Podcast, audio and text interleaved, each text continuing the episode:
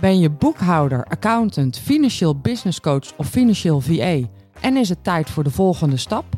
Wil je meer de begeleidingsrol pakken en uit de red race van deadlines en lange dagen?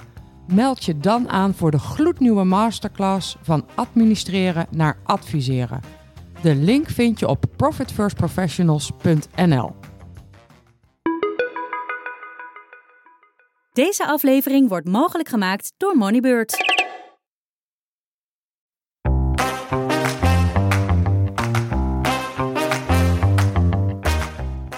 Welkom bij de Win-Winst Podcast.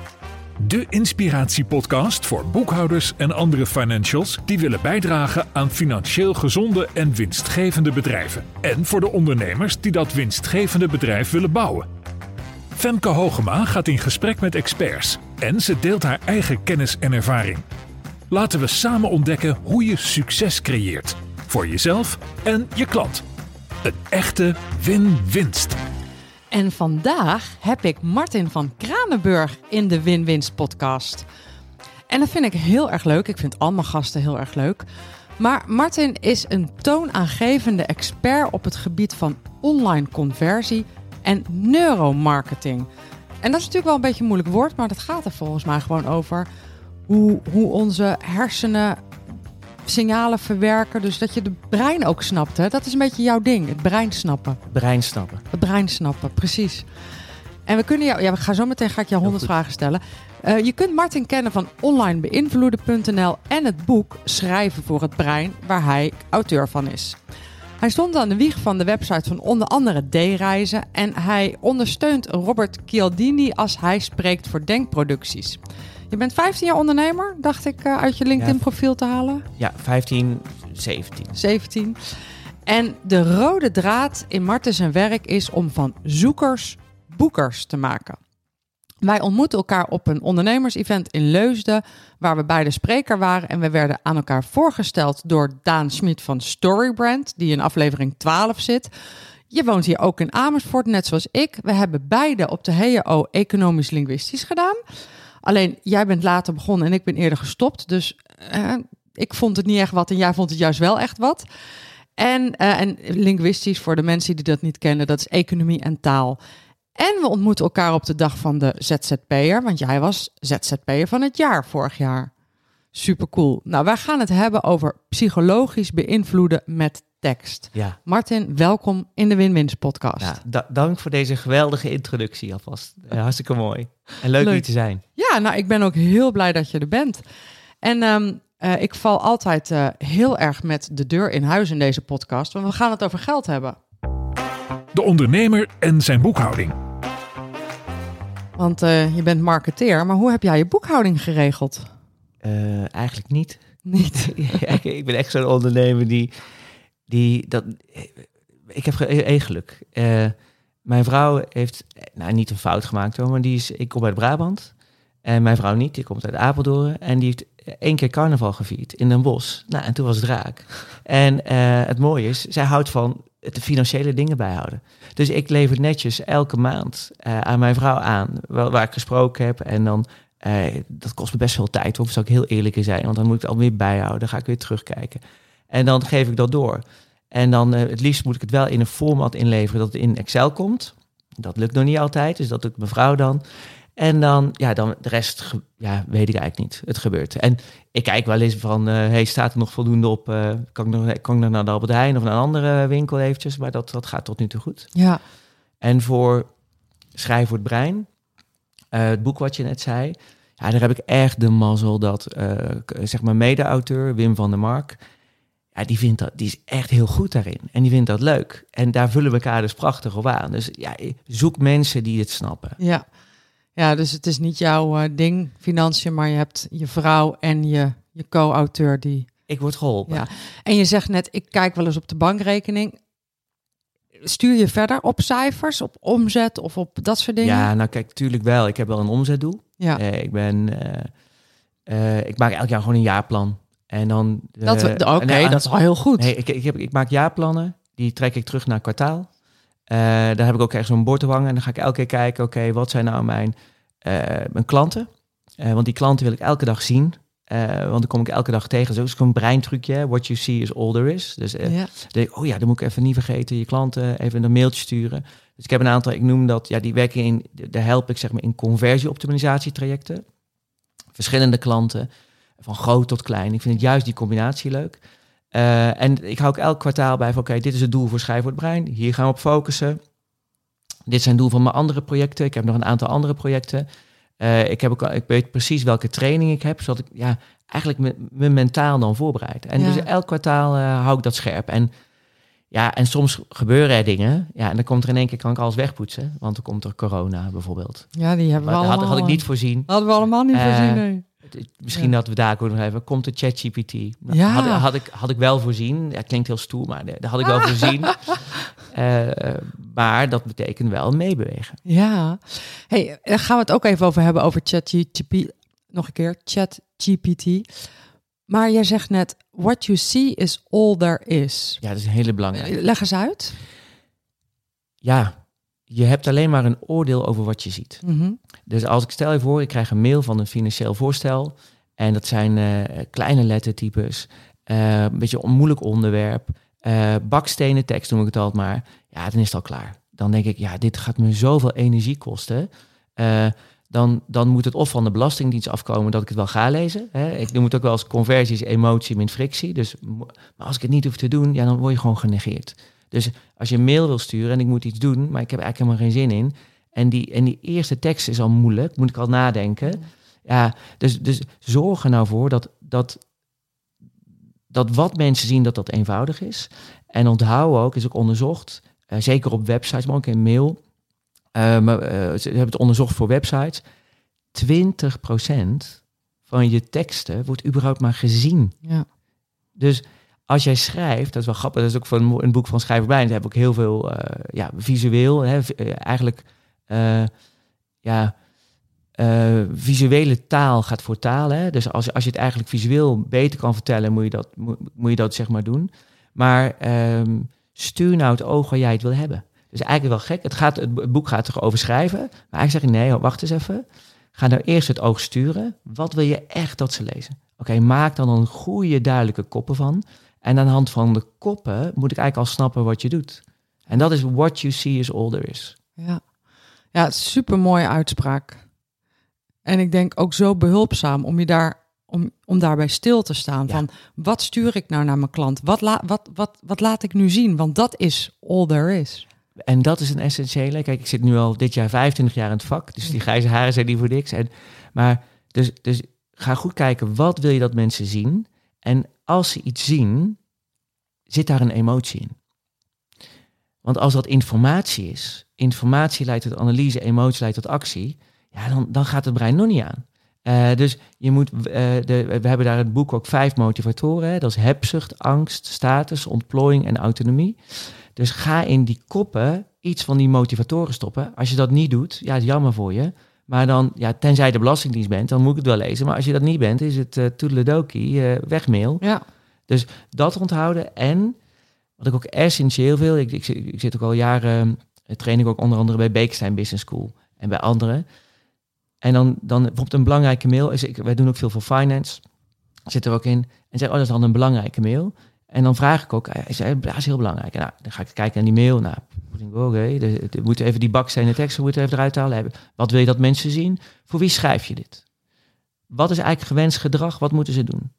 Wat missen ze als ze niet in actie komen? Waar staat dat? Wat beloof je eigenlijk als ze wel in actie komen? Waar staat dat? Nou, en zo hebben we een aantal vragen. Nou, en dan is elke keer, oh, oh. Gewoon 40% van je succes zit in de voorbereiding. En dan vraag ik ook, het is een belangrijke mail, toch? Ja. Nou, uh, aan hoeveel, hoeveel, hoeveel klanten heb je deze mail voorgelegd? Ik neem aan, want je hebt maar vijf en dat gebeurt gewoon niet. En dan denk ik, jongens, we zijn allemaal een dief van je eigen portemonnee. Maar als jij niet even de moeite neemt om aan vijf klanten te vragen van, hé, hey, belangrijke mail, ik moet dit sturen. Vraag het aan vijf mensen. En vijf mensen leggen 80% van de usability problemen bloot. Maar als jij niet, als jij daar de moeite niet verdeemt, joh, daar, daar, daar, dat is ongekend hoeveel geld je laat liggen door niet met je klanten te praten. Ja, ik snap het helemaal. Want als je dit zo zegt, denk ik, ja, we sturen allemaal best wel vaak belangrijke mails. Maar denken we er nu echt over na hoe je een belangrijke mail echt goed schrijft? Ja. En dat Ja. eigenlijk niet. We gaan gewoon typen. Je gaat typen? Ja. Ja, nee, maar kijk. wat, wat er de meeste fout gaat. eh, de, de meest gemaakte fout die we zien. Dat als je je niet voorbereidt, kom je ook niet in de brein van de ontvanger. En wat je dan gaat doen, en dat is een groots gemaakte fout, dan ga je opschrijven wat je kwijt wil. Opschrijven wat je gaat zenden. Dan gaat het over jezelf. eh, wij. Maar da- daar zit de lezer niet op te wachten. En ehm, dus dat is de meest gemaakte fout. Je moet die voorbereiding doen. En je moet in, in, die, in dat brein, in, dat in die huid van je klant kopen.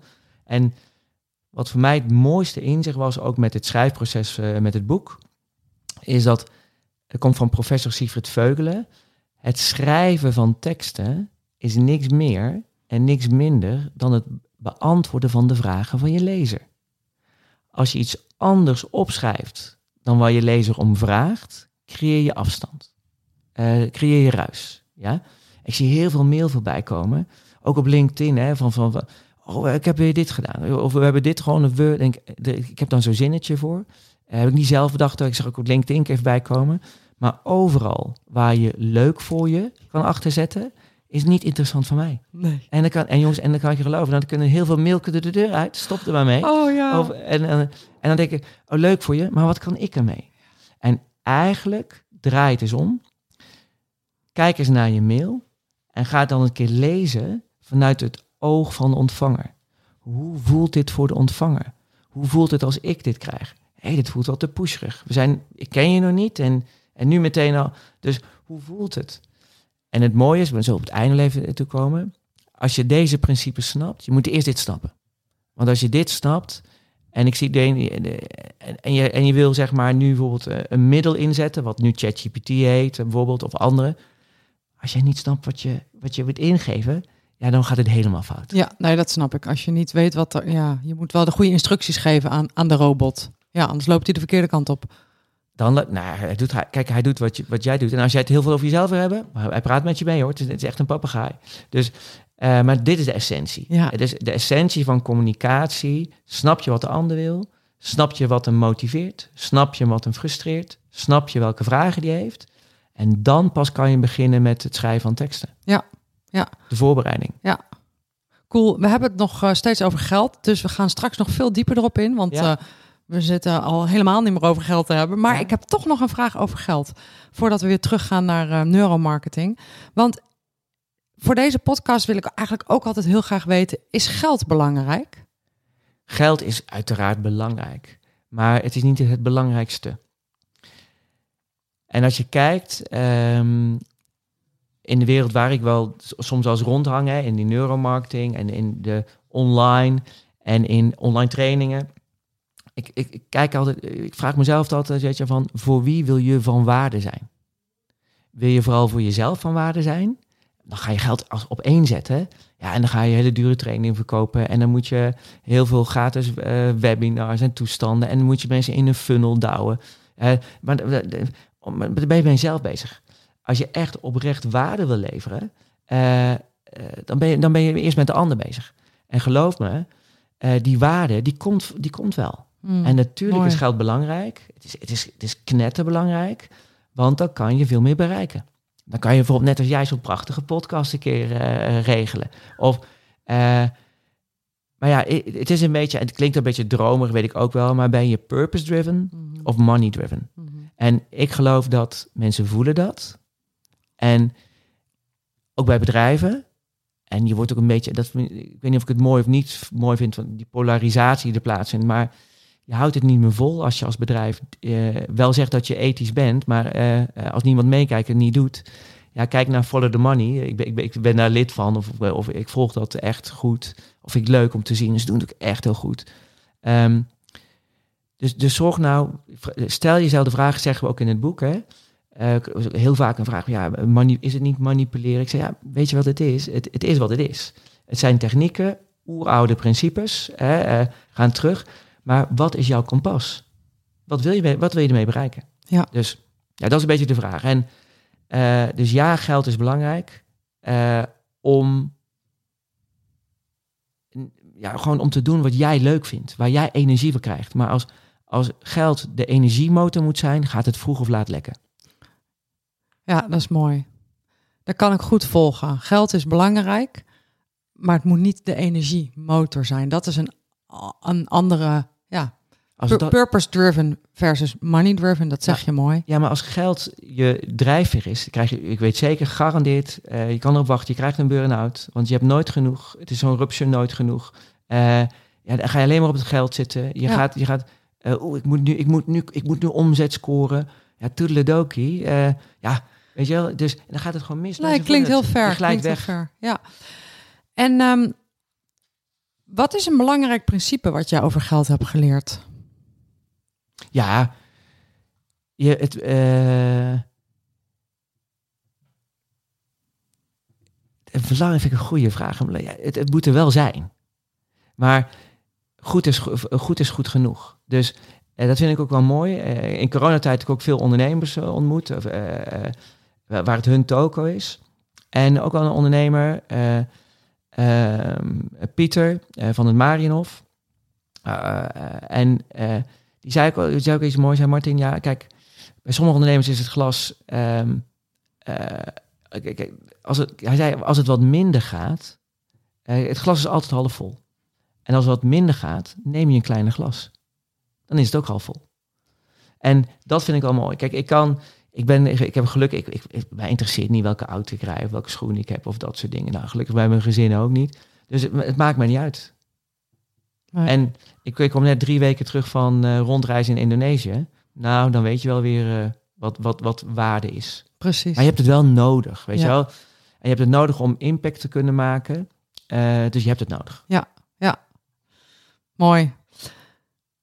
We, we merkten net meteen al jouw passie, want je dook meteen de inhoud in. Dus laten we daar lekker even op doorgaan.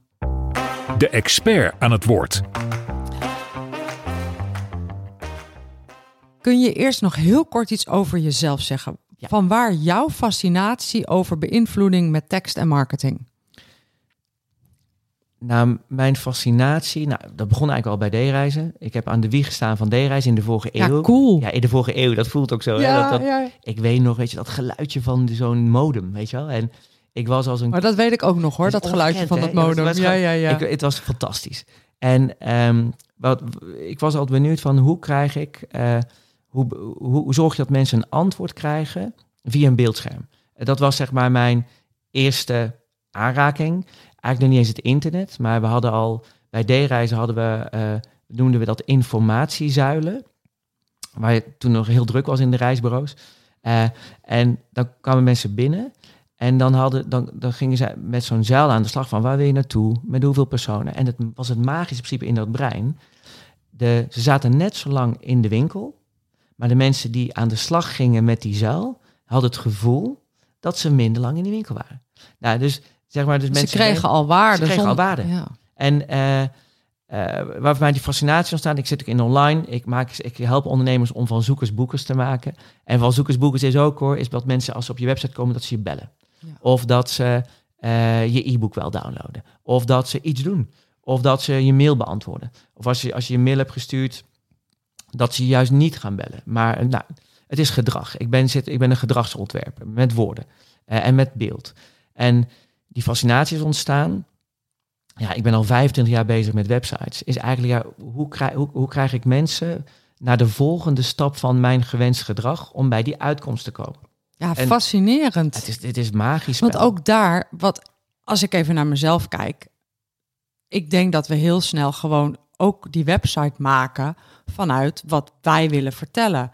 En wat jij eigenlijk super helder aangeeft is, alles wat je doet moet gericht zijn op wat, wat wil ik dat die klant doet? Wat is die volgende stap? Hoe interpreteert hij het? Wat wil hij weten?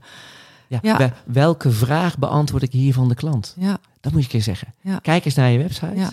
En welke vraag beantwoord je? ja. Ik kom websites tegen. Er staat welkom op onze website. Ik denk, ja, ja maar die komen oh, nog steeds oh, tegen. Ja, maar denk ik, oh, ik heb me niet afgevraagd of ik welkom was bij jullie. Nee. En, en we, we noemen dat ook U-phrasing. Dat staat ook in het boek en dat is een van de belangrijkste. Eh U-phrasing is zorg maar, kijk maar eens naar je tekst. En het moet zeg maar twee of drie keer meer jij staan dan wij. Mm. En want als het al- al- alles wat wij is, gaat niet over de behoeften van je klant. Ja. En we komen websites tegen. Het is echt tranentrekkend. En dan gaat het alleen maar over het bedrijf. Ja, de directeur vindt de website hartstikke mooi, want die kan zichzelf erin herkennen. Maar dat is heel jammer. Eh, de klanten kunnen zich niet meer herkennen, want je neemt afstand. Als je dit snapt, ja, dan ga je in één keer je tekst heel anders aanpassen. En dan ga je het over de behoeften van de klant hebben. En was dit altijd al zo? Of is dit de laatste jaren erger geworden of belangrijker geworden? Ah, het is altijd. Het was altijd al zo. Het blijft zo. Ik, ik, ik, ja, omdat je het ziet, hè, dat is een beetje, een beetje zo'n Johan Cruijff uitspraak. Weet je, van, eh, eh, maar ik, ik, ik blijf me verbazen dat mensen dus niet nadenken, eh, gaan beginnen. We moeten een website besteden het uit. Ze hebben geen idee wat ze uitbesteden. Slechte briefing. Eh, en dan gaan ze, gaan ze heel veel over zichzelf vertellen. En dan komt er een website. Ja, en jij herkent jezelf in die website. Ja, du- dus ja, laat hem dan één voor jezelf bouwen. En ga daarna één website voor je klanten bouwen. Dan ben jij blij. Is je ego gestreeld. Eh, maar jouw ego moet niet gestreeld worden. Tenminste, niet, niet voor je website. Je moet testen met klanten. En het is zo simpel. Vraag eens aan vijf klanten. Hey, nou, stel je even voor. Je hebt een belangrijke vraag over financiën. Je bent dus ondernemer en je wil de financiën uitbesteden. En eh, nou, je draait best wel een goed jaar. Eh, eh, en je komt op een website. Welke vragen zou je hebben? Wat zou je motiveren? Wat zou je frustreren? Dat zijn de use cases. Nou, test maar. Ga maar aan vijf klanten vragen. Zo'n test nou. Oké, dus stel je voor je bent in dit. Hier heb je de website. Alsjeblieft. Ja. En dan, we noemen dat ook wel eens de 5-second test. En doe het echt een keer als je deze podcast luistert. Doe het nou. Want je kan, wel, kan wel luisteren, maar je kan ook zeggen, oh, nou, weer wat een podcast gehoord. Dat, eh, ja, dan ga je dus niks doen. Dus ondernemers die nu luisteren en niks doen, ja, die gaan, die, dat wordt niks. Ondernemers die nu luisteren, even pen en papier pakken en zeggen, jongens, binnen 48 uur ga ik het gewoon een keer doen. Aan vijf mensen vragen, ja, dat worden de winnaars. Dus de vraag die we gaan stellen aan onze klanten is: eh, jij ziet die website en wat is nou je eerste indruk? Je moet ze even meenemen. Ja. Stel je voor, Ja. je bent op zoek naar jouw dienst. Ja, hè? precies. Ik zou, zou je vo- voorstellen, nou, ik doe bijvoorbeeld veel voor, de, de, nou, pak even de, de, boekhouders, je bent, eh, Ja. stel je voor, je bent, eh, Ja, ik zoek een je bent boekhouder. ondernemer en je zoekt een boekhouder. Ja, en, nou, welke vraag heb ik dan? Eh, wat zou mij motiveren? Wat zou mij frustreren? Zelfs als je dat lastig vindt, heb ik een kleine tip. Dan vraag je even aan ChatGPT. Hey ChatGPT, acteer als een senior copywriter. Want je, je kan aan ChatGPT vragen. Hij kan elke rol aannemen. Oké, ehm, dit, is, dit is de context. Eh, ik, ik ben zelf ben ik een, een boekhouder. Eh, ik, ga, ik moet een landingspagina ontwerpen. En eh, klanten moeten direct kunnen zien dat ze, waarom ze bij mij moeten komen. Hè? Dus je, je gaat je voorbereiden en die voorbereiding deel je. Hij komt met zulke prachtige. Hij, wij maken ook, zeg maar, in het boek zie je al een, een persona-template. Nou, dat kan je, als je dat snapt, weet je ook de juiste vragen te stellen. Ja. En dan ga je een aantal mensen dat, dat vragen.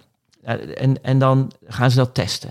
Wat je ook kan doen, dat is een nog makkelijker, is dat je zegt, oké, ik ga dat niet uitleggen van tevoren. Ik ga mensen vragen van, nou hier, heb je een website? Dan laat je het vijf seconden zien, dat, we noemen de five second test. En na vijf seconden haal je het weg. En zeg je, nou, vertel maar eens. Ja. Waar, ga, waar gaat deze Waar site? gaat deze Waar site gaat deze site over en voor wie zou het zijn? Die twee Ja. vragen stellen. Ja. Nou, doe het maar eens. Ja. En je wordt geconfronteerd hoor, want je, gaat, je gaat met de billen bloot. Nou, dat vind ik het probleem van deze hele podcast. Iedere keer dat ik gasten heb, denk ik, oh, wat een hoop huiswerk komt hier weer uit. Nou, de- de- het punt is zeg maar, je website is je belangrijkste. Ja. eh, Is het belangrijkste. En wat ik vaak zie, is dat, dat ik weet niet, waar, ja, ik moet er nog een keer onderzoeken hoor. Mensen bouwen een website, die staat drie jaar live, kijken ze niet meer naar. Ja, het werkt niet, hij doet het niet, Eh, het converteert niet. Eh, de- wat ze dan gaan doen, gaan ze naar een nieuw framework, want het is al, oh nee, de kleuren moeten anders. En, en iedereen vindt het mooi om zijn plasje te doen over zeg maar de kleuren en de huisstijl. Ja, nieuw logo. En, dan, en een nieuw logo, ook heel belangrijk. Allemaal ego. Eh, en een nieuw logo. En dan op het einde, oh ja, die teksten moeten ook nog eventjes... eh, die teksten waren het probleem, vriend. Maar goed, en heb je nog een stagiair die die teksten... Die teksten worden nog slechter. Nou, en na drie jaar zeggen ze, ja, het werkt toch weer niet. Nee, ik zie, ik zit al vijftien in een vak, succesvolle ondernemers in elke branche. Ik noem dat Copy Monday, die elke maand eh, even in de statistiek kijken. Wat zijn nou mijn belangrijkste pagina's? En ik ga die verbeteren. En die zijn altijd 1% beter dan een concurrent. Die, hebben, die, hoeven niks, die, hoeven, die hoeven echt niks in marketing te doen. Die, hoeven, die, hoeven geen, die, zijn niet, die zijn niet afhankelijk van AdWords. Die, die, die, die, die lopen gewoon binnen, maar die doen wat ze moeten doen. Eh, zorg dat dat belangrijk is. Eh, dat, moeten ze, eh, dat moet je verbeteren. En ga dan niet weer de, de, de zoveelste ehm, LinkedIn-post maken als je, als je contactpagina niet klopt. En jij zegt copy Monday. Ja, dat copy betekent Monday. dat je gewoon eens per week aandacht moet hebben voor je teksten. Eén één keer per maand. Eén keer per maand. En Eén dan gewoon goed kijken naar, kan dat nog 1% beter? Ja. Dat is het idee. Test het dan, leg het eens voor. En we hebben daar ook een checklist voor. Hè. Zat ik, zat ik eh, in het boek. hebben we- En het boek is trouwens onderdeel van een e-learning. Daar doen nu 2200 cursisten aan mee. Zo. Ja, het is echt bizar. Ja, Ja, gaaf. heeft ook met de prijs te maken. Daar kom ik zo nog eventjes bij. Ehm, maar eh, die krijgen van ons allemaal een speakbriefje. En in het speakbriefje staan zeven criteria. Wil ik ook hier delen hoor. Want eh, er staan zeven criteria hoe jij kan beoordelen of jouw mail, of je landingspagina, of die goed genoeg is. Ja, graag. En zal ik hem delen met Ja, je? en dan ga ik... Oké hoor. En weet je, ik ga hem heel eventjes, als je hem ietsjes zo draait. Zo. Zo. Ja. Daar knip je er even uit, hè, Jacarino, dat we even de microfoon iets hebben gedraaid. Heel goed. Ja, heel graag die zeven criteria. Neem ik je mee. Ja. Dus voordat je begint, je gaat je eerst voorbereiden. Ja, dus voor wie schrijf je eh, deze tekst? Dat ga je eerst doen. Voor wie schrijf je deze tekst? Wat is je doel? Wat mist degene als die niet in actie komt? Dat is eigenlijk vo- voeding voor verlies. Dat zijn even de voorbereidende vragen. Eh, wat gebeurt er als die wel in actie komt? Eh, hoe, kan je dat, hoe bewijs je dat? En wat is de mogelijk de eerste stap? Dat zijn de nieuwe, dat zijn de voorbereidende vragen. Deze voorbereidende vragen is een onderdeel van de e-learning. Eh, komt, ook daar, komt ook nog in een nieuw boek. Daar gaan we het einde nog even over hebben. Maar dat, dat, dat is je voorbereiding. Nou, maar als je nou iets hebt liggen en je wil het controleren. En dit is wat wij doen in de e-learning. We hebben nou zo'n 2200 cursisten. Maar wat wij doen, de echte waarde van de e-learning zit niet in de e-learning. Wat we doen, want wij, ja, onze missie is een beetje van iedereen die in die e-learning zit, die willen we eruit trekken. Dus wij hebben gezegd, elk kwartaal jongens, kom maar langs. Eh, Stuur maar je mail. En de, de ene keer hebben we een offerte aanvraag die we moeten beoordelen. De andere keer een landingspagina. En elke keer pak ik mijn speakbriefje erbij. Ik ken hem met mijn hoofd. En zeg ik, oké, ehm, je hebt dit geschreven. Voor wie? Voor welk segment? Nou, eh, vaak weten ze niet. Zeggen, oh, nou, nou, maar voor welk segment? Sommigen zeggen, ja, maar we hebben het voor dit segment en dit. Nou, stop maar. Want als jij het voor meerdere segmenten schrijft, gaat er nooit binnenkomen één segment. Nou, ik heb het voor die en die geschreven. Oké. Nou, waar kan hij of zij zich herkennen? Wijs dat eens aan. En dat moet in de eerste zin zijn. Bijvoorbeeld als ik jou een mailtje stuur eh, en zeg ik, nou, eh, leuk je gesproken te hebben, de podcast was, ik ga, ah, ik, dat is die, deze heb ik van Wim van der Mark hoor. Wim is echt briljant. En hij zegt ook, Martin, in elke mail, de eerste zin, grijp je even terug naar de relatie. Want dat is herkenning. Ja, het is wel leuk dat je het zegt. Wij doen dit. eh, een soort instructie die ik Ja. binnen het team heb gegeven. Ik zeg welk mailtje je ook schrijft. Je schrijft het mailtje en voordat je het verstuurt, zet je eerst nog de Exact. eerste zin erboven waarin je de relatie Dat legt. is goud. Ja. Dit levert zoveel op. En, en dat beseffen is al zoveel winst. Ja. Het hoeft alleen maar de eerste zin te zijn. En de rest van de mail kan door. Eh, leuk dat je, we we doen het ook, hè, leuk dat je afgelopen keer bij de masterclass was. Nou, tak, tak, tak, tak. Dus daar zit die herkenning in. Jammer dat je de afgelopen keer niet bij de masterclass was. Dit heb je gemist. Daar zit ook de herkenning.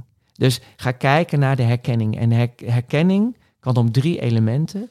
Herkenning kan op segment, op behoefte en op relatie. En voor jouw doelgroep die de podcast luistert, is vooral relatie. Zorg voor exact wat jij doet en dan heb je al zoveel winst. Nou, dan gaan we verder kijken. Oké, dus ik herken me. Eh, wat is de urgentie of noodzaak van jouw bericht? Zit er nog steeds in de voorbereiding? Ja, voor, nee, dat- nu, zitten we in de controle. Zeg maar, de voorbereiding zijn, Ja. eh, eh, zijn de voorbereidende Ja. vragen om erin te komen. Ja. De controle is, voor, eh, kan het segment zich herkennen? Ja. Waar zie ik een urgentie of noodzaak om in actie te komen? Wat beloof je me eigenlijk als ik in actie kom? Wie bewijst dat dan? Heb je de Cialdini-check gedaan? Is er een duidelijke call to action? En als de stap die jij mij vraagt te groot is, heb je dan nog een kleinere stap om met, om met jou in contact te komen? Dat zijn de zeven vragen. We zullen ze wel in de show notes zetten. Ik zal, Ja, het, superleuk. ik zal het speakbriefje wel met je delen Ja, voor de superleuk. Maar ik zit meteen al even te denken, bijvoorbeeld, eh, de luisteraar is een boekhouder. Veel van de huidige mails, hè, eh, veel, veel mails van boekhouders gaan letterlijk over dat ze iets nodig hebben van de klant. Bijvoorbeeld, de klant moet spullen aanleveren voor de BTW-aangifte. Ja. Ehm, je begint met een stukje herkenning. eh, Eh, superleuk dat we elkaar vorige week even gesproken hebben. En gaaf te horen dat het zo goed gaat met Ja. je bedrijf. En dan wil ik dat die klant die stukken inlevert. En dan zeg jij, dan moet ik dus op zoek gaan naar urgentie. En ik moet ook zorgen dat het heel erg helder is voor de klant wat hij moet doen. Ja. Mijn idee is dan, zorg dan dat je meteen als eerste regel in de tweede alinea zet. Ik mail je omdat ik je stukken nodig heb. Zoiets? Voor die en die datum heb ik je stukken nodig. Ja. Anders, angst. Anders dan Eh, kunnen we eh, de ja. aangifte niet op tijd Ja. indienen. En dan, ja, en dan, en, en- dan loop je het risico op. En, maar gelukkig heeft al 84% van de dingen hebben het al ingeleverd. Dat is Ook de, social de proof. Chialdini. Dat is check. Cialdini. En dan, je hebt, en die, Ja, en- zet je dat er dan in? Ge- Zeker. dit 84% kan. van de klanten heeft het al wel in, Ja? heeft het al ingeleverd. Anderen hebben het al wel gedaan. Daar moet je mee spelen. Je moet heel goed kijken. Met Even een paar dingen, want we noemen ook, ik realiseer me, we noemen ook vakjargon. Ik denk dat mm, het gros van de luisteraars zal Robert Cialdini kennen, maar die heeft het boek geschreven invloed. Invloed. En dat gaat over zeven, Nee, eigenlijk zeven principes. zeven principes waarmee je beïnvloedt. En één van die principes is, die je nu net noemt, social proof. Social proof. Ja, Als anderen doen. Ja, en, en die principes, ja, als je deze podcast luistert en je bent ondernemer en je kent deze principes niet, ja, dan moet je toch eventjes op Dan moet je huiswerk doen. doen. Ja, en ik zeg het ook altijd in mijn training hoor. Ook, ik, ik zie dat zeg maar succesvolle ondernemers, die hebben vaak ook wel wat met tekst. Ja, eh, maar ook marketeers, ook copywriters uiteraard. Maar als je in deze tijd, waarin een tsunami van content op ons afkomt, heel veel ruis, eh, de principes van Cialdini, die moet je niet kennen, zeg ik altijd. Die moet je echt wel kunnen dromen. Dan moet je kunnen dromen. Echt. Eh, anders maak je geen impact meer. Dus, en huur je nou een copywriter in? Ja, dan zou ik even ook, je copywriter ook heel even testen. Joh, eh, heb je al eens gehoord van Cialdini? En als je zegt, wie? Nou, dan zou ik echt eventjes... Ik bel je de andere keer nog even. Of, eh, nee, ik, ik, Ik bel je niet meer. Nee, nee maar dan moet je, dat is ook zo zonde voor die man. Maar ehm, Wel duidelijk. Ja, dat is wel duidelijk. Maar echt, je komt het niet meer. En Maar jij bent wel streng, want ik probeer me dan even te verplaatsen in mijn klant. Die denkt, ja, hallo Martin, ik heb nog meer te doen behalve Chialdini kennen, kunnen schrijven. Ik moet gewoon ook mijn werk doen, ik moet een bedrijf runnen. Je bent wel, je- Dit is je business. dit is je business, zeg jij. Communicatie is je business. Emotie is je business. Ja. Mensen gaan aan op emotie, niet op ratio. 95% van de beslissingen die wij nemen, nemen we onbewust. Hoe, hoe ziet jouw onbewuste teksten eruit? Eh, wat is je hidden persuasion? Hoe heb je, heb je je mail opgemaakt? Staan daar logos dat je kan vertrouwen? Dat onbewuste is zoveel meer belangrijk, maar dat moet je zien. En ondernemers die het zien, die hebben geen moeite met werk. Ondernemers die het niet zien, die gaan op in de massa. Want die praten allemaal hetzelfde. Het is je werk, het is Ja. de essentie. Ja. Elke keer als je je mond open doet of je je vingers op dat toetsenbord eh, zet, moet je nadenken met wie ben ik in gesprek. En die zeven principes, die help je altijd serieus om eerder een ja te krijgen op jouw verzoek. Ja. En hoe je ze gebruikt, is afhankelijk van jouw kompas. Bre- Ja, Oké, hoe je ze gebruikt is afhankelijk van jouw kompas. Want een, een gedachte die op kan komen is van ja, maar luister, het gaat over beïnvloeding. Moeten we dat wel willen? Je kan niks anders willen. Het gaat over gedrag. Je wil dat. Deze technieken. eh, ehm, het, is, het is wel even mooi om te zien. Eh, eh, in de cursus doen 100 man van Novartis mee. Dat is een medicijnenbedrijf. die willen brieven schrijven die, die meteen bij patiënten binnenkomen. Dat patiënten die al onzeker zijn, meer vertrouwen hebben dat die tekst duidelijk is. Dus die- die- kijk, ik, ik ben echt iemand, dat zie ik ook met AI. eh, eh, doe het voor het goede. Mhm. Neem mensen mee. Mensen hebben uitstelgedrag. Ze komen niet meer in beweging. Zorg dat je ze met deze principes in beweging krijgt. Moet de overheid niet gewoon ook in jouw e-learning? Want de overheid kan ook wel wat leren van betere, begrijpelijke teksten schrijven. Gelukkig krijg ik die, die vraag steeds meer. Eh, omdat in één keer met AI eh, eh, tekst bij iedere marketeer op de agenda staat. Eh, ja, en, dat, en, en het leuke is, ik, mijn agenda loopt wel vol. Maar ik schoon mijn agenda op. Het is toevallig, ik heb binnenkort in een gemeente. Die moeten echt mensen meekrijgen om zeg maar dingen te doen die ze eigenlijk niet willen te doen. Dan zit ze eigenlijk in een stukje weerstand. Eh, en, en dan wordt het moeilijker, want dan moet je, heel veel, moet je veel meer persuasion toepassen. En dan moet je zeg maar eigenlijk heel goed gefaseerd eh, je boodschap gaan brengen.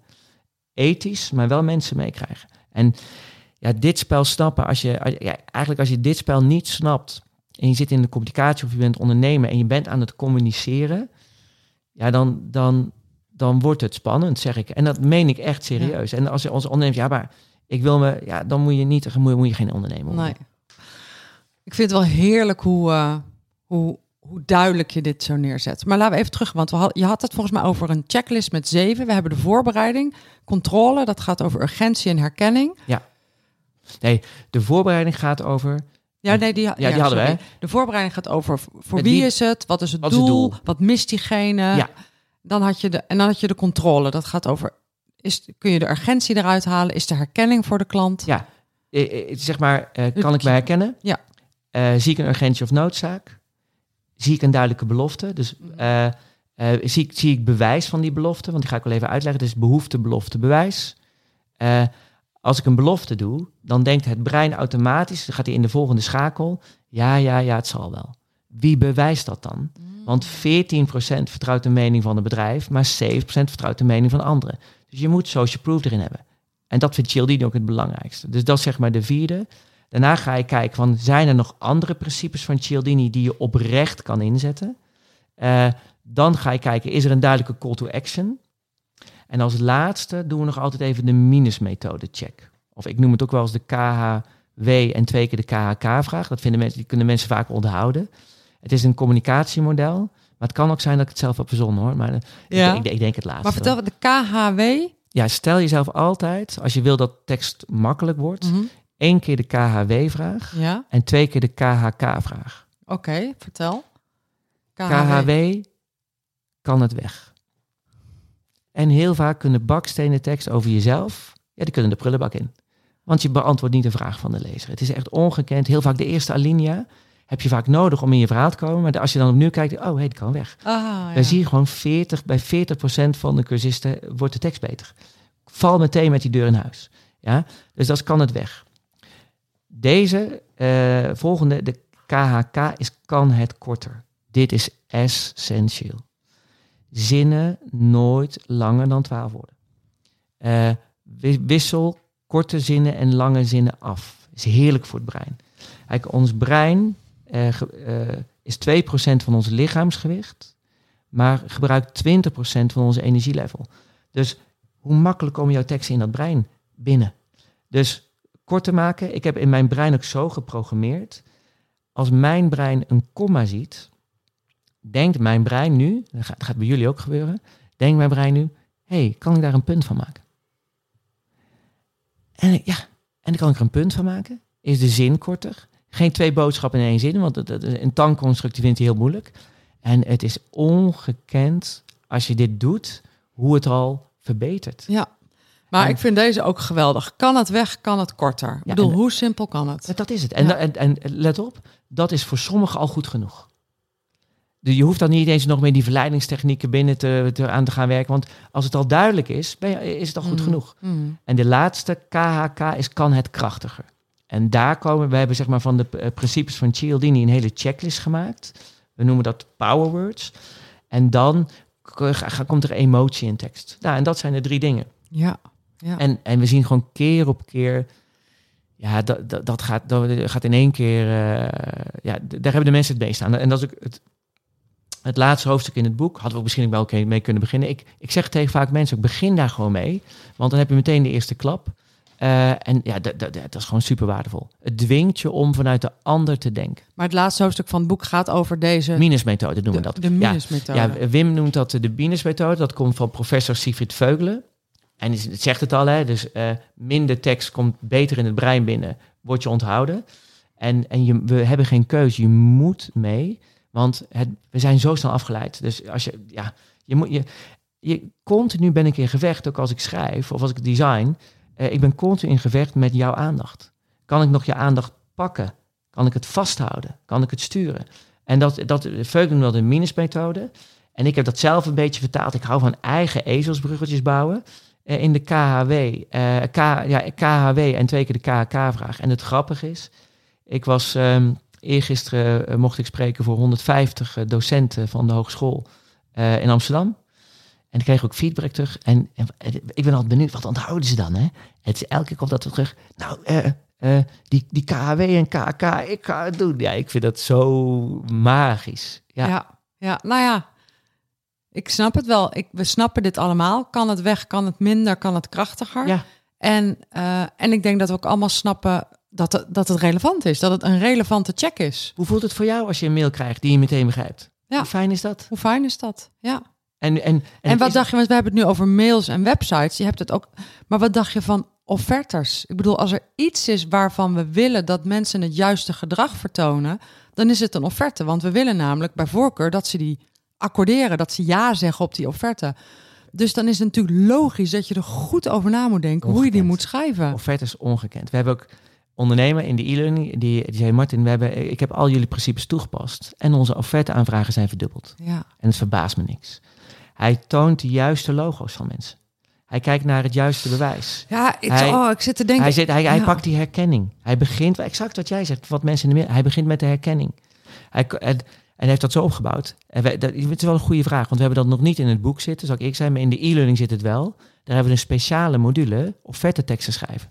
En dat is voor, voor, niet voor iedereen relevant. We hebben, we hebben heel verschillende segmenten. hè. Eh, Mm. Copywriters en marketeers. Voor ZZP's is dit extreem relevant. Ja, En eh, misschien ook nog wel een mooie. Met, eh, ik had laatst ook eh, de Nima. Eh, die zei, nou eh, Martin, ik heb iemand die mee wil doen. Die had, jou- had een podcast gehoord van Denkproducties. Misschien moet ik die in de show notes zetten. En, en die zei, eh, zei ik van, wacht nou eens even. Wie in jouw team heeft er iets met tekst? Ik zei, hij zei eigenlijk best wel veel. Zei, weet je wat? Voordat je er één iemand op die cursus stuurt, hè, stuur deze podcast eens door. Ehm, en hij mailde terug. Hij zei, Martin, ja, ik ben niet zo blij, maar jij wel. Want ik heb de podcast doorgestuurd. Maar ook onze financiële man wil meedoen. Want eh, ja, die moet ook goede mail schrijven waarin die net wa- waarin die op tijd eh, is als, als er per ongeluk iets verkeerd gaat. Dus Martin, het hele bedrijf doet mee. En wat nou zo Wat mooi is, gaaf. ja, het was, was kippenvel. En wat, Ja. wat nou zo gaaf is, ja, iedereen in jouw bedrijf is verantwoordelijk voor wat er naar buiten gaat. En het mooie is, als je gaat kijken naar het leren, het leerrendement, we noemen dat de 10, 20, 70 leercurve. 10% van wat je leert is het jouw boek te lezen, eh, mijn boek te lezen. Maar als je niks mee doet, heb je deze 10% podcast te 10 luisteren. Deze podcast Ja. heb je 10% geleerd. Ja. 20% van je, leerrendement zit met je collega erover sparren. Ja. hey, wat vind jij ervan? Leg alsjeblieft die een keer aan vijf collega's voor. Ja. Als je dat dan niet doet, dan eh, is nou, dan maar goed. Ja. Eh, 20%. En 70% is gewoon doen. Doen in de Ga je praktijk. spelen? Ga, ga je het in de? Experimenteren, vallen en opstaan. Vallen en opstaan. En het is echt, sometimes you win. Dan heb Ja. je een briljante, ik, ik zit er nu midden ook, heb ik, soms heb ik een briljante prompt. Geweldig. Of heb ik een, ik pak het boek erbij, heb ik, heb ik meteen reactie. Sometimes you win, sometimes you learn. Je verliest niet. Ja, je verliest als je niks doet. Dus als jij nu hebt geluisterd en ja, ik ga die teksten laat ik zo staan. Ja, prima. Kijk, ik noem het ook wel eens conversie is emotie min frictie. Als ik een brief krijg van de Belastingdienst, ja, het zal zo'n worst wezen. Ik moest laatst, dat maakt niet uit. Of ik had laatst de gemeente Amersfoort, ik moest een kapvergunning aanvragen. Het maakt ze niet uit, ik moet wel. Dus eh, ik zie helaas bij bedrijven die mij ook bellen, van kan je ons helpen? En zeg ik, nou, en, dan kijk, praat ik even met ze, maar dan, jongens, dan gaat het, daar, het gaat daar zo goed. Er is geen enkele zweet op de rug. Dan denk ik, nou, weet je wat, dat, dat gaat hem niet worden, jongens, want eh, eh, Het gaat al te het, goed. Het, het belandt in de la bij jullie. Nee. Ik zie geen enkele zweet op de rug, dus eh, eh, ja, nee, dat gaat het niet worden. Nee. En je zegt conversie is emotie min frictie. Dus conversie betekent, doet iemand iets? Gebeurt er iets? Antwoord ik je mail, Ja. open ik je mail, dat is conversiegedrag. En, dat, en wat bedoel je? Ik bedoel, ik snap de woorden, emotie min frictie, maar kun je me eens toelichten? Ik zal het eens toelichten. Ehm, nou, in Amersfoort, we hebben theater, Ja, prachtig theater, de Flint. de flint, zeker. Ehm, laatst kwam daar eh, een optreden van eh, de band van Snelle. Ja. Ik was met mijn zoon, ik zat in de clip van eh Snelle. Bizar, ja, met, met Thomas Akda. Papa heeft weer wat gelezen. Ja, ik, ik zit in de persuasion, hè, dus ik moest een mail schrijven voor figuranten. Nou, ik heb wel 2,5 uur over die mail gedaan, maar het is gelukt. Hilarisch, jij bent figurant in de clip van Snelle. Ja, maar hoezo wilde je dat dan? Ja, ja het, was, het ging over met je zoon in de clip. Dat wilde Eh, jij. Dat, dat is goud, is onbetaalbaar. Fantastisch. is bizar. Fantastisch. En nu gebeurt het. Ja. Snelle komt naar Amersfoort. Eh, en d- dat kwam ik op die website, maar die was nou, iets wat traag. En het was, ze hebben het al aangepast hoor, dat moet ik zeggen.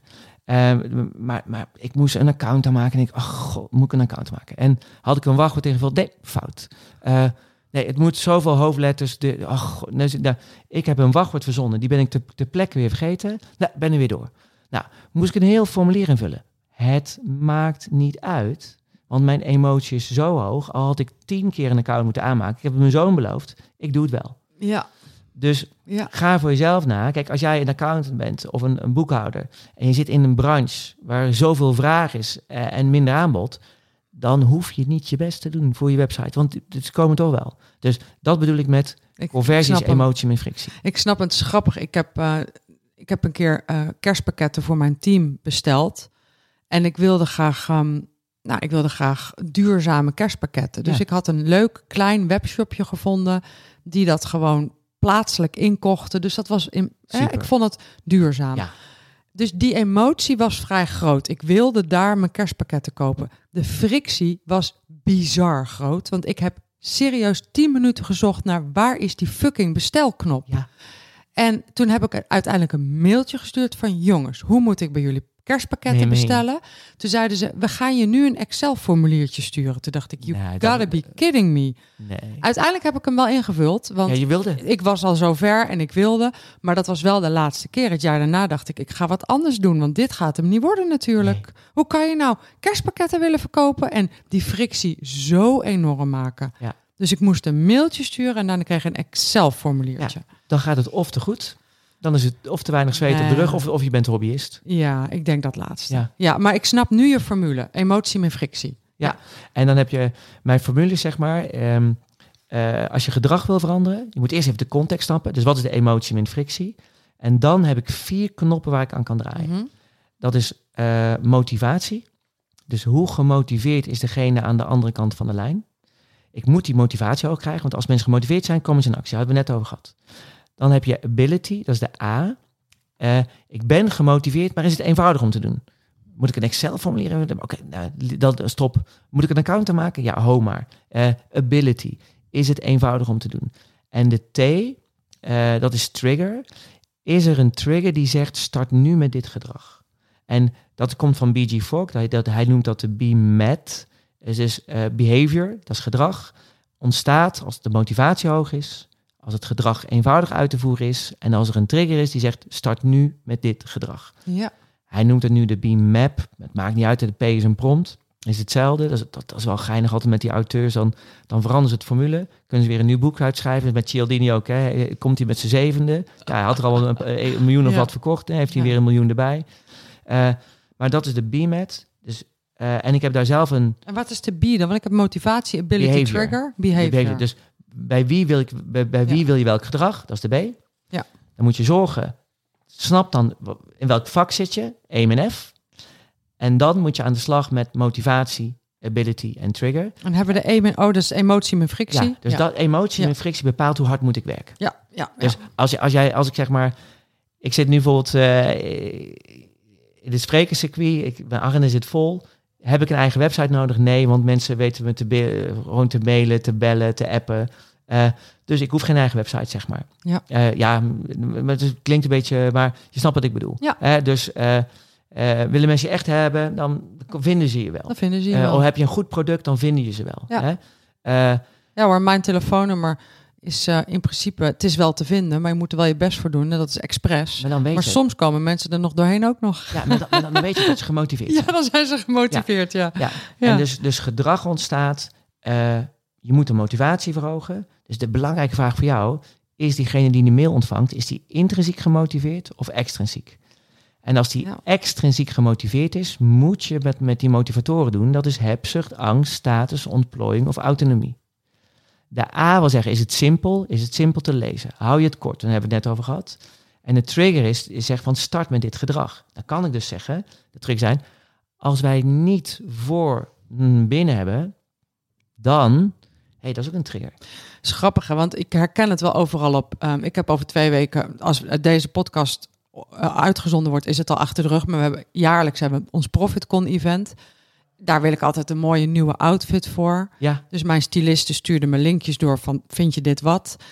En ik ging natuurlijk naar de website. En het eerste wat ik zag staan, nog één exemplaar in mijn maat. Daar ga je. Die trigger was zo groot dat ik, ik dacht, ja, Martin die staat zo op de stoep, maar ik wil hem nu besteld Ja. hebben. Want er is nog maar één maat, dus Ja. dat is die trigger. Ja. Dat En is dit bij moet wel echt zijn, hè? Ja, Dit moet wel echt zijn. ik, ja, het moet wel echt zijn. En- ik denk maar- wel dat het bij kleding echt is. Bij kleding zal het wel, eh, het- de overheid gaat zich gelukkig ook mee bemoeien.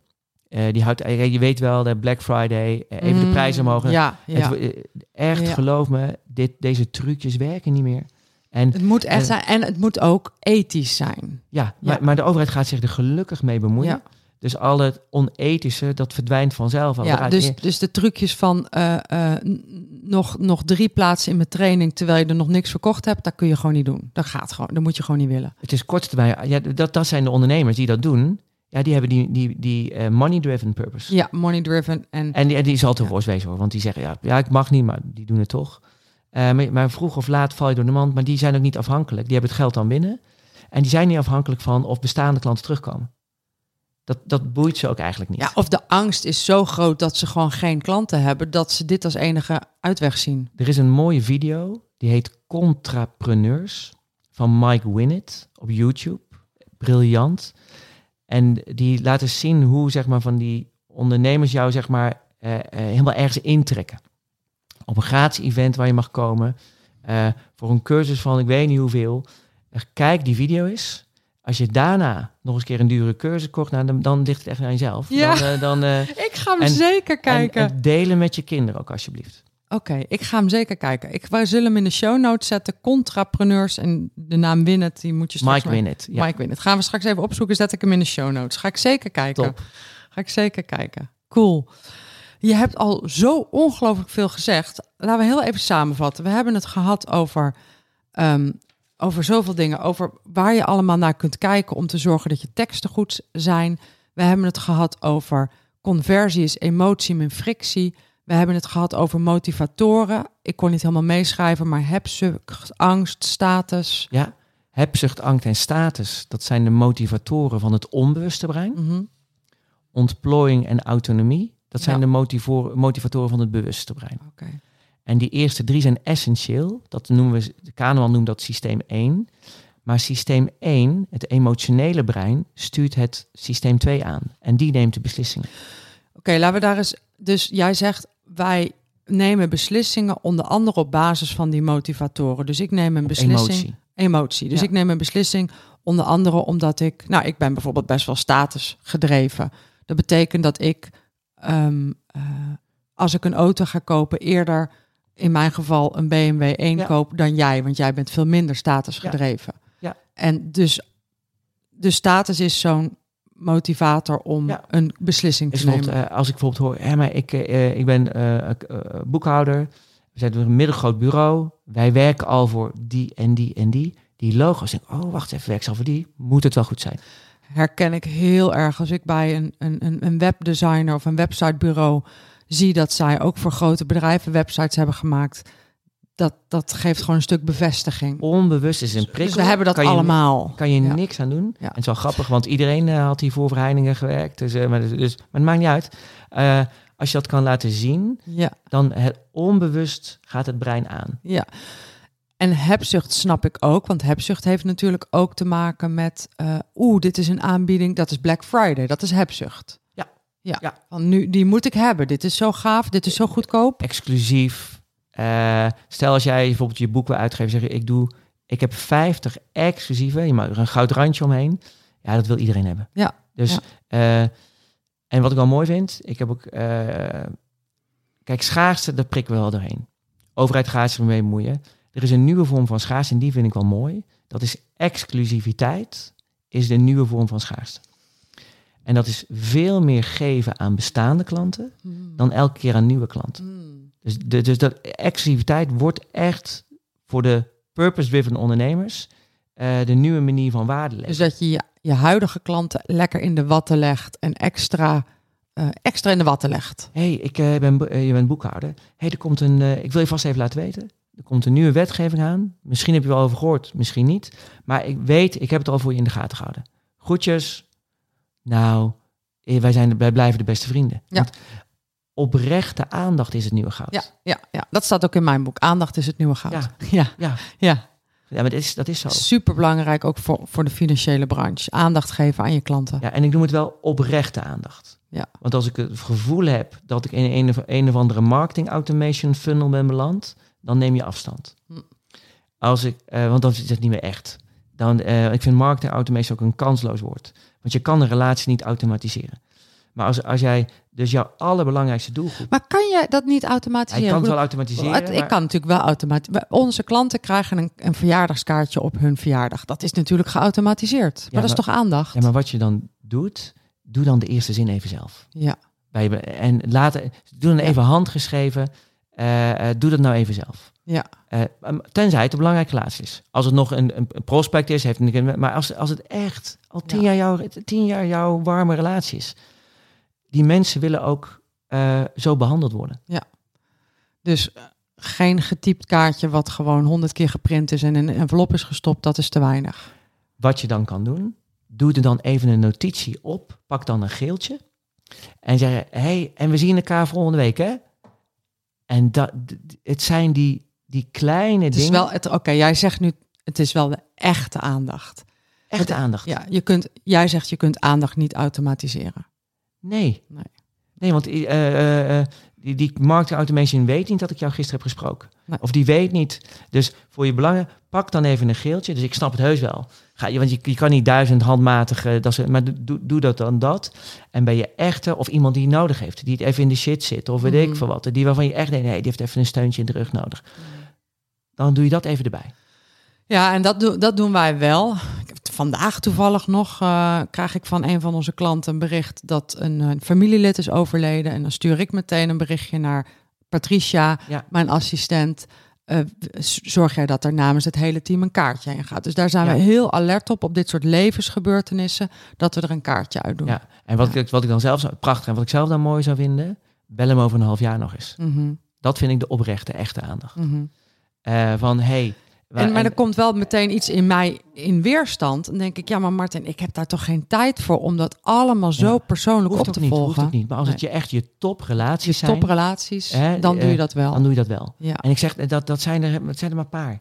dat klopt. Dat eh, zijn en- er geen honderd. en dat zijn er geen honderden. Ja. Ja. En, en dat kan je ook niet managen. Nee, nee, dat kan je niet managen. Nee, maar het is, het is helder wat je En, zegt. en, het, ga, en Ja. het staat in balans. Hè? Ja. En het moet in balans staan van, van de waarde die je Mhm. levert en de waarde die je krijgt. Ja. Ik heb, nog een, ik heb nog een paar vragen die ik toch wel heel graag wil stellen. Ik, ehm, want jij noemt een aantal namen. Robert Cialdini hebben we het nu over gehad. Ja. Die gaat over invloed. Je hebt ook Sigrid Veugelen heb je genoemd en Daniel Kahneman. Kun je van, van Sigrid Veugelen, die ik eigenlijk nog niet kende... totdat ik een podcast van jullie eh, luisterde... Eh, Bij Daan. en ja. Daniel. Kahneman, eerlijk gezegd, ik vind het een erg complex boek... maar dat terzijde. Ja. Maar kun je van Veugelen en van Kahneman eens even dat ene ding noemen Ja. wat, hun, ehm, ja, wat hun boodschap is? Ja. Veugelen heeft twee belangrijke uitspraken die bij mij direct binnenkwamen. Eén, het schrijven van teksten is het beantwoorden van de vragen van je lezer. Maar als je niet de moeite neemt om achter die vraag te komen, dan ga je het over jezelf hebben en dan creëer je afstand. Dat is één. Tweede van Veugelen, het schrijven van teksten is als het ware het voeren van een gesprek met je lezer op papier. Als je die twee dingen nou onthoudt en desnoods opschrijft, onder je kussen legt en nooit meer vergeet, dan ga je nooit meer van die slechte teksten schrijven. Fantastisch. Beantwoorden van vragen en alsof je een gesprek voert. Dat schrijven. Dat schrijven. Nou, en nou komt Daniel Kahneman. Inderdaad, het boek is gewoon bizar. Ja, dik. eerlijk gezegd. Het, het lijkt ik- wel. Ik, nee, ik kom ik niet kon, ik kon er niet. doorheen. Ik, eh, dus ik heb gelukkig heb ik nu aan ChatGPT. Dus ik gooi de, al die boeken gooi ik in ChatGPT. En dan zeg ik, ChatGPT, kan je even een samenvatting van dit boek maken? Briljant. Eh, het is echt ongekend. Ik denk dat de luisteraar ook ondertussen van ChatGTP heeft gehoord, maar dat is een, een, een, een artificial intelligence chat robot. En die is, ik noem het maar even Google on steroids. Die kun je al je vragen stellen. Voor mij Ja, is ChatGPT mijn tweede brein. ja, En ik leen af en toe een brein van een ander die super slim is in zijn vakgebied. Dus Ja. ik, ik, kan, ik kan zeggen, je bent nu een topadvocaat. Ik kan ook zeggen, dat wordt eng hoor. Ik zeg nu, ken jij Daniel Kahneman? Ja, die ken ik. Ken je zijn werk? Heb je zijn boeken gelezen? Oké. Acteer nu als Daniel Kahneman. ik wil dat jij, ik ga, ik ga je nu een probleem voorleggen. Ik wil dat jij het oplost volgens zijn denkwijze. Het is eng en hij doet het. Bizar, toch? Het is bizar. Oh, goed, jij hebt, dat- eh, jij hebt. ChatGPT gevraagd Ik zal. Kahneman even ja. Kahneman, precies. Kahneman heeft eigenlijk twee dingen. Hij noemt dat systeem 1 en systeem 2. Is eigenlijk eh, eh, het onbewuste brein. Dat we hebben twee. Ja, in, in zijn boeken, hè, want we hebben niet twee breinen. Het zijn, en, en, en mensen weten niet zeker of het, of het niet in je buik zit of waar. Ehm, maar we hebben een emotioneel brein, daar zijn we allemaal van overtuigd. En we nemen beslissingen veel meer op emotie dan ratio. En of het nou 95% is, of 90, of het, ben maar simpele Brabant, wij noemen dat vul. Dus eh, ja, dus Vul, ja. vul, het is veel. Dus praat tegen dat onbewuste van je klant. En, Ja. en de, eigenlijk zijn belangrijkste boodschap, als je op de ratio gaat zitten, neem je afstand. Als je op de emotie gaat zitten, dan gaan mensen voor je kiezen. Tof, tof. Dankjewel. Nog een vraag. Ik weet, jij kent Storybrand. Ehm, daar heb ik het met Daan Schmid over gehad in aflevering 12. Sluit Storybrand aan op jouw visie op online beïnvloeden. En ook van Danielle. Ja, want dat was de tweede. Ja. Danielle Navas Brandt, They Ask You Answer, aflevering 6. Sluit die ook aan. Binnenkort hebben Danielle, Danielle en ik een, een, Dat een- klopt, ja, dat zag webinar. Die zou super leuk zijn om even in de show notes te zetten. Ja, Met Marcus Sharon. Ja, kijk, dat boek. ik heb me aangemeld hoor, voor het webinar. Ja, ik ik weet, heb, dat boek hè, van, van ik, kom even bij Daan eerst. Ja. Ja, eh, het leuke is, het hele team van Daan doet ook mee met de e-learning Schrijf voor het Brein. zo. Wij vullen elkaar heel erg aan. Daan zit echt in, hoe zorg je nou dat je, je je verhaal goed is? Mhm. En wij zeggen, als je je verhaal scherp hebt, hoe ga je nou met taal het vertellen? Ik snap het. En, Ja. en dat is zeg maar Ja. de, de, de win-win-winst. Ja, Dus je win- win-win-winst. ja. En Danielle, eh, die zit meer in de contentstrategie. En dat, toen ik dat boek ook las, dat lijkt zoveel op Veugelen.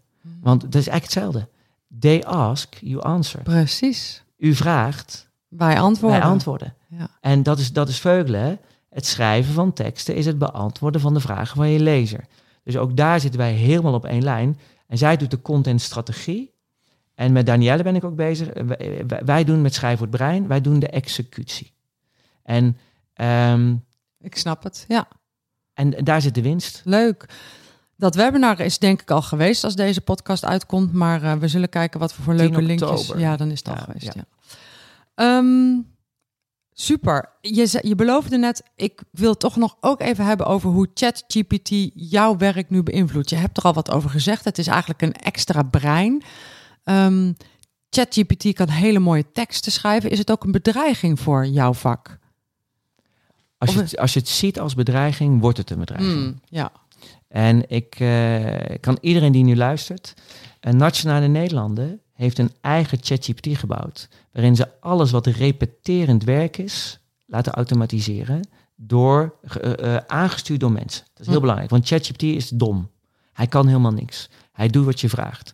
Eh, maar dit is, het is nu zo'n fase dat als je nu niet meebeweegt. en er is een boekhouder die wel meebeweegt. Ja, die, die gaat jou Maar vervangen. hoe zou een boekhouder ChatGPT nu kunnen inzetten?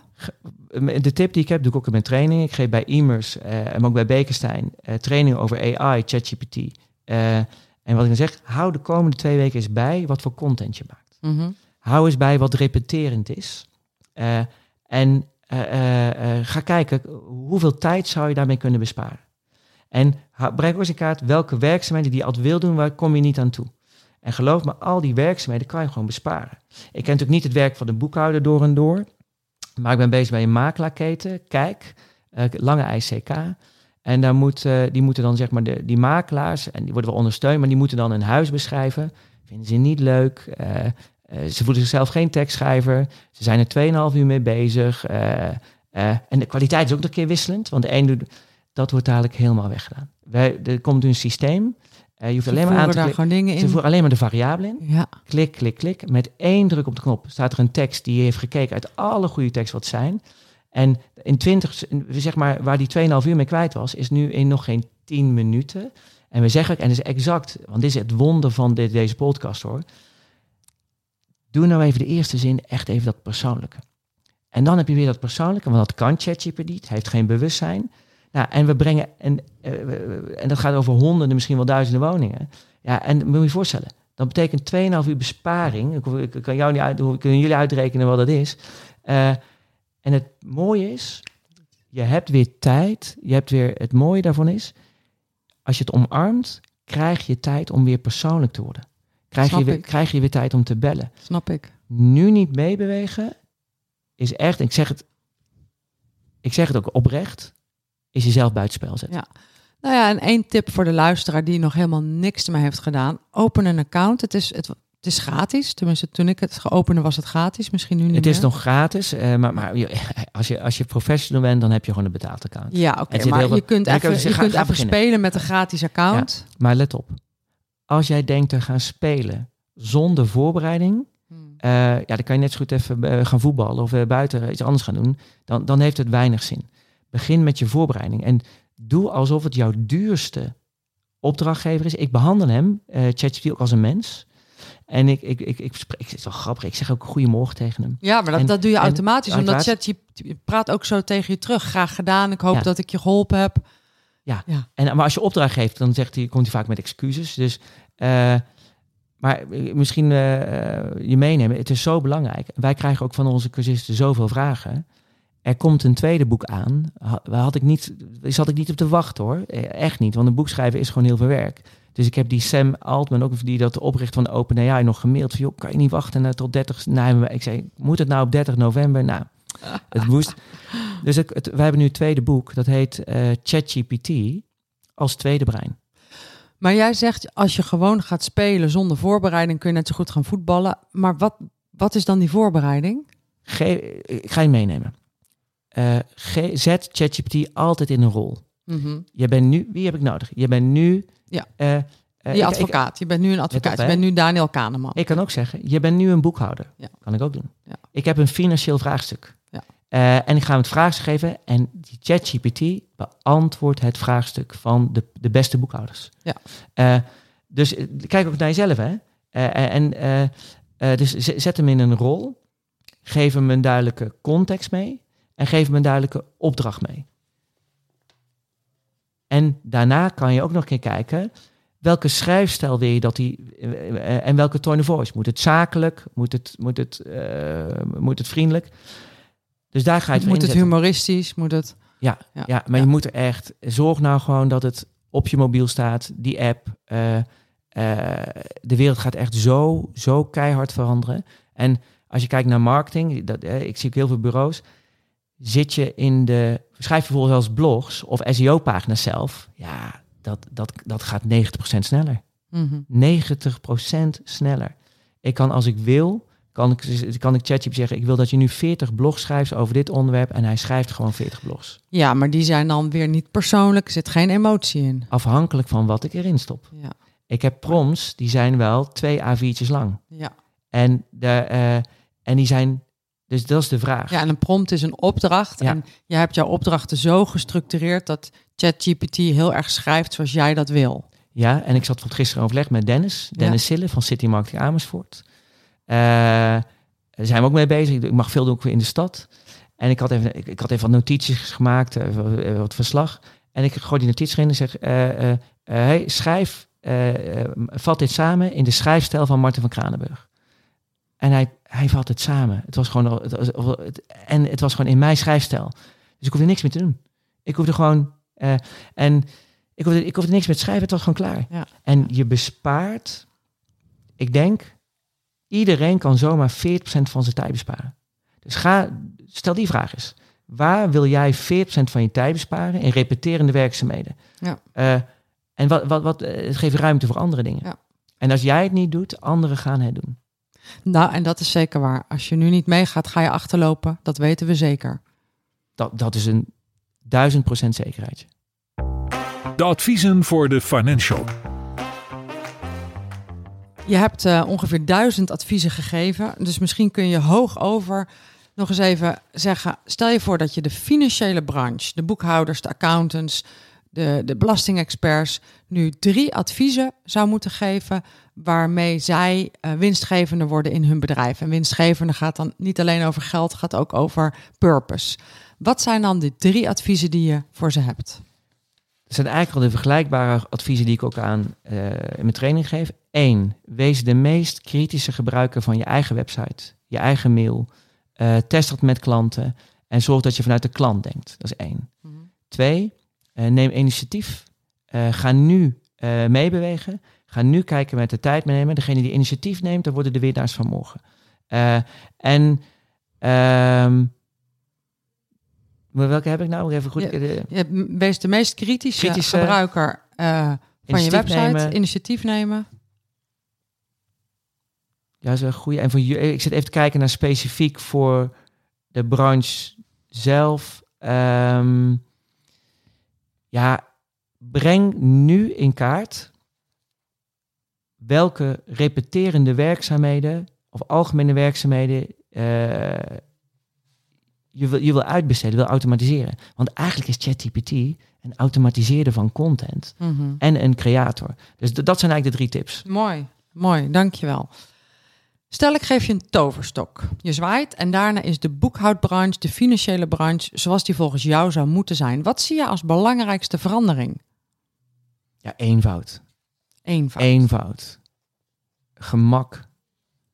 Uh, duidelijkheid dat uh, um, ontzorgen. Ja, en, mooi. En, en, Eenvoud. ontzorgen, ontzorgen, ontzorgen. Weet je, mij maakt het echt, mij maakt het geen bal uit of ik nou 200 euro per uur moet betalen of ik weet niet wat de tarieven zijn of 150 of 100. Het maakt me niet uit.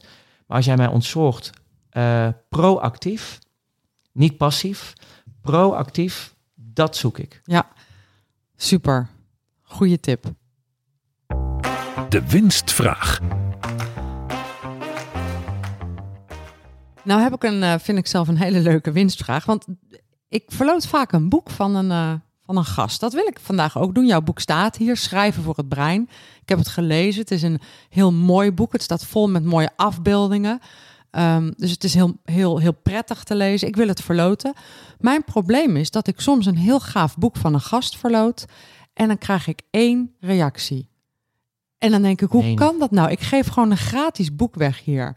Dus de uitdaging is, ik verloot jouw boek, maar hoe zorgen we nou dat we minstens 15 reacties krijgen voordat ik hem verloot? Er is één ding met gratis. Ja, Gratis heeft geen waarde. nee. Dus eigenlijk misschien moet het boek wel niet verloten. We moeten gewoon zeggen, als, jij, als, jij hier, als je hierin gelooft, dan loop je even naar je lokale boekhandel. Koop het alsjeblieft lokaal. En dan ga je de boeken kopen en dan doe je zelf plezier en koop het ook voor je collega's. Dus we gaan dit keer niet verloten. We gaan hem niet We verloten. gaan hem niet verloten. Want als je, het niet, als je hier niet in gelooft, moet je vooral niks doen. En dan, eh, eh, dus loop maar naar je boekhandel. Eh, of kijk maar op Schrijven voor het Brein. Eh, we zijn zelf uitgever, dus nou, kijk maar, maakt mij niet uit. Ik gun het liefst de boekhandel. Want Ja. die, die, nee, dat is heel goed. eh, En raad je mij dan ook aan om te stoppen met het verloten Ja, van boeken? ja, maar me- gratis heeft geen waarde. Gratis heeft geen waarde. Het is Dus te makkelijk. Het is te makkelijk. Dus als jij, als hier hebt naar zitten luisteren en je denkt, nou, ik ga weer naar buiten. En dit is ook de tip, hè. ik zie zoveel ondernemers. Ondernemers die groeien, die, die pikken hier drie dingen uit. En die pakken nu pen en papier. En die gaan even nog een keer terugluisteren. En die gaan zeggen, oké, welke drie inzichten haal ik hier uit... waar ik binnen 48 uur wat mee kan doen? Nou, dat is een mindset. En dat is de winstvraag van Eh. deze week. Welke drie Mooi. dingen haal ik hier uit? En, aanvulling van Martin, ga ik de eerstkomende 48 uur iets mee doen? Dus Ja. niet eh 2026 dat we dit eens gaan doen, maar ergens de komende 48 uur. Als jij nu die kleine stapjes maakt, ga je groeien. Ja, Als jij nu denkt, ach, nou, het zal wel meevallen. Mijn tekst en eh, ik ga niet testen en eh, die ChatGPT. Je gaat die stapjes niet maken. Dus je gaat niet leren. precies, precies. Ben ik nog wat vergeten te vragen? Volgens mij niet. Ik Nee. vond het heel gezellig. Ik vond het hartstikke leuk. Ja, ik vond het een heel tof gesprek. Je hebt echt eh giga veel tips gegeven, maar ook echt wel weer ogen geopend. Dat kan niet anders dan dat je veel ogen hebt geopend. Dus dank daarvoor. Graag gedaan. Waar kunnen wij informatie over jou vinden?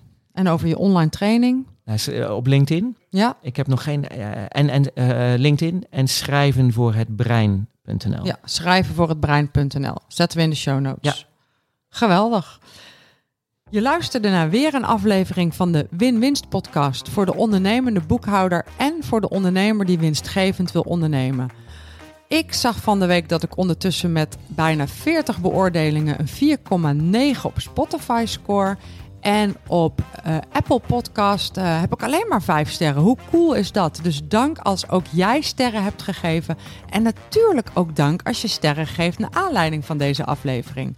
En dan zie ik je heel graag volgende week op woensdag. Win-winsdag.